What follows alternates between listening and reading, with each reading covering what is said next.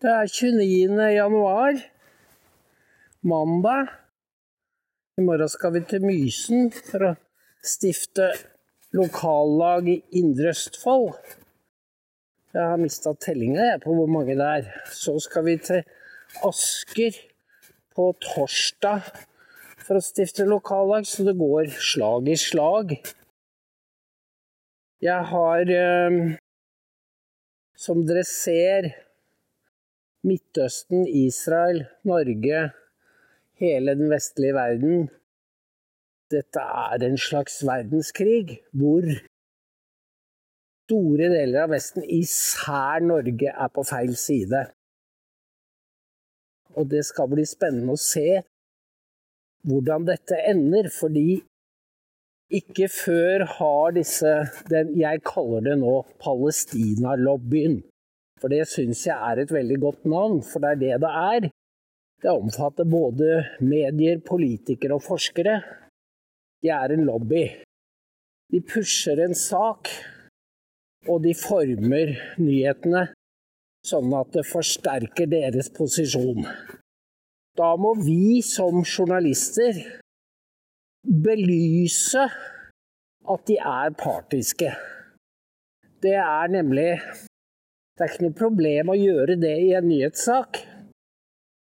Fordi motargumentene ligger innebakt i deres egne uttalelser og i begivenhetene selv. At f.eks. en stor organisasjon med 30 000 ansatte skal kunne sjekke seg selv, det sier det, det faller på sin egen urimelighet for den som vet noen ting om byråkrati. Og til hva vi vet om FN-systemet, så er det så topptungt og fullt med nepotisme og mye og underslag at uh, det sier seg selv at de driver egenkontroll.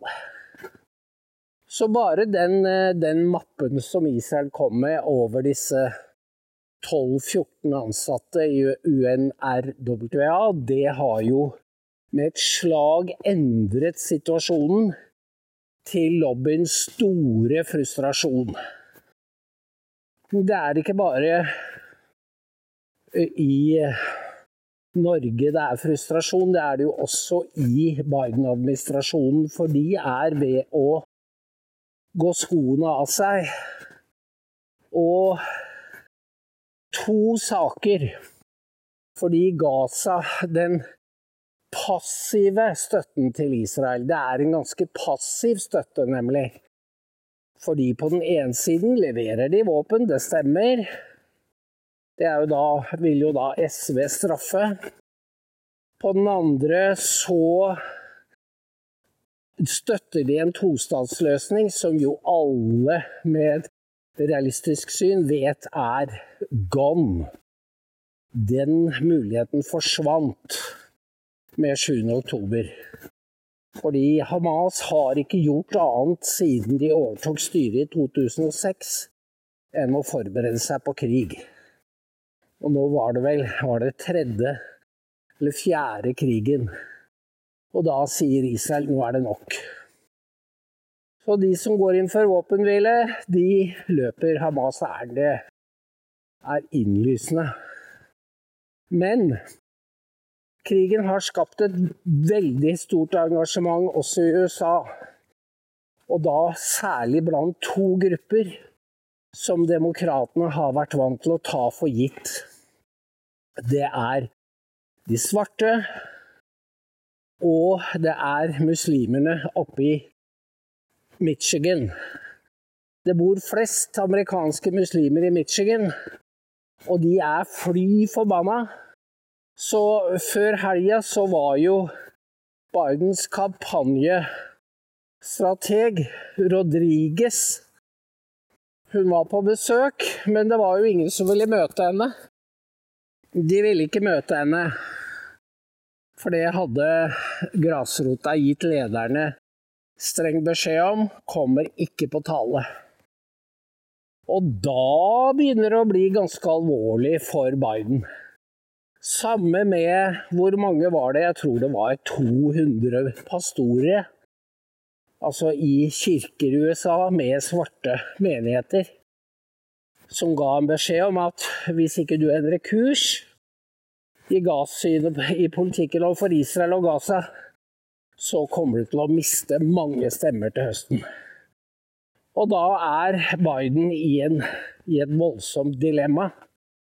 Fordi ikke kan han innstille våpenleveransene. Ikke kan han presse Israel i en krig som de selv sier er eksistensiell. Så hva gjør han? Han har lagt seg ut med alt og alle og har ikke noe manøvreringsrom. Han skal nå straffe Iran, men han har selv gitt Iran masse penger. Og har ikke styrke, han har ikke politisk kapital til å gå all in og straffe Iran. Det er jo dette Israel holder på med, nemlig å gjenreise avskrekking. Og hvis du først slipper det for langt, koster det svært mye å gjenreise det. Og nederlaget 7.10 var så stort at Israel måtte ta frem storslegga. Rett og slett. Det snakker jo ikke da norske medier om, for de later som de ikke forstår det. Biden har samme problem nå. Iran-støttede Militser har gjennomført 160 angrep på amerikanske styrker, og houthiene setter båter i brann. Da er allerede USA på defensiven. Og nå holder det ikke med Nå holder det ikke med nålestikk for å gjenreise avskrekkingen. Nå må det mer kraftigere lut til. Fordi det er ingen som tror på Biden. Han river jo ned sin egen avskrekking på hver dag som går. Og andre land ser på, ser på invasjonen i sør, som han heller ikke vil gjøre noe med. Det er en svekkelse av USA som vi aldri har sett maken til. Og det er skremmende fordi dette handler jo om vår fremste garant. Det hjelper ikke å ha marine- eller militærøvelse oppe i nord hvis du mister Hvis du har gitt opp din viktigste grense og lar fremmede velte inn. Så det er et så kaotisk bilde og dette skriver jo ikke norske medier om, for de vil ikke innrømme at Biden står for kaos. Det er han som har ført en så vinglete og svak politikk at USA nå står Ja, hva som helst kan skje. Og det er jo de som tror at man med viten og vilje har latt døra stoppe, sånn at terrorister har kunnet komme inn. Og det tror jeg stemmer, fordi det er ingen annen forklaring. Og de vet, de vet hva de gjorde når de slapp inn mellom 8 og 10 millioner, eller 12, eller hva det er. Ingen vet hvem det er, hva slags rulleblad de har. Nei, det er en, en forferdelig situasjon verden befinner seg i pga. Biden. Og da er det norske medier holder på å gnåle om Trump, mens flere og flere amerikanere ønsker at han skal overta. Så det spørs om båten bærer da til november. Det får vi jo se, fordi det begynner å se mer og mer prekært ut. Rett og slett. Jeg syns jo det er veldig spesielt at Barth Eide ikke forstår at han må komme på banen og si at Norge slutter seg til landene som innstiller hjelpen til UNRWA inntil de har fått en gjennomgang. For nå har tolv land satt seg på den listen. Og hva slags signal sender det hvis Norge ikke gjør det? Vi går foran. Eh, vi leder giverlandsgruppen. Men vi vil altså ikke holde palestinerne ansvarlige for pengebruken. Det tror ikke jeg er en holdbar politikk i det lange løp. Og Norge risikerer igjen å bli sittende igjen som det mest Hamas-vennlige landet i Norden. Jeg vet ikke om dere husker Jeg vet ikke om dere husker da Hamas overtok og dannet Da var det jo mye snakk om nasjonal samlingsregjering, og det ble ikke noe av. Da var Raymond Johansen utenriksminister.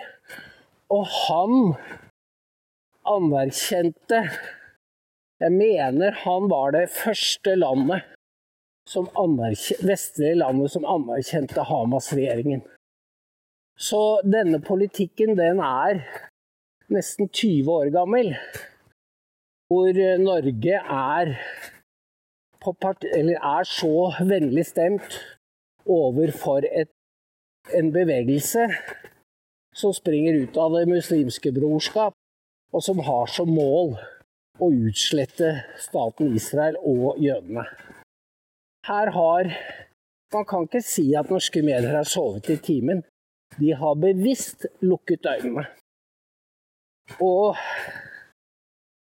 Sissel Wold og alle de andre korrespondentene har, en, har ganske mye å svare for. For det er ikke noe vanskelig å finne ut hva Hamas står for. De sier det jo med åpne De sier det jo rett ut.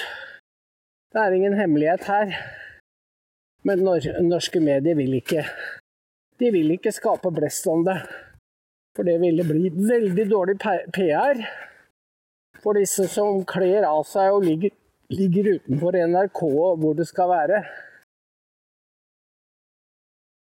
Og da, hvis du hadde fått en meningsmåling Ønsker du at Norge skal støtte Hamas, som vil utslette Israel? Så ville du fått helt andre svar enn de ledende, ledende spørsmål som i dag blir stilt.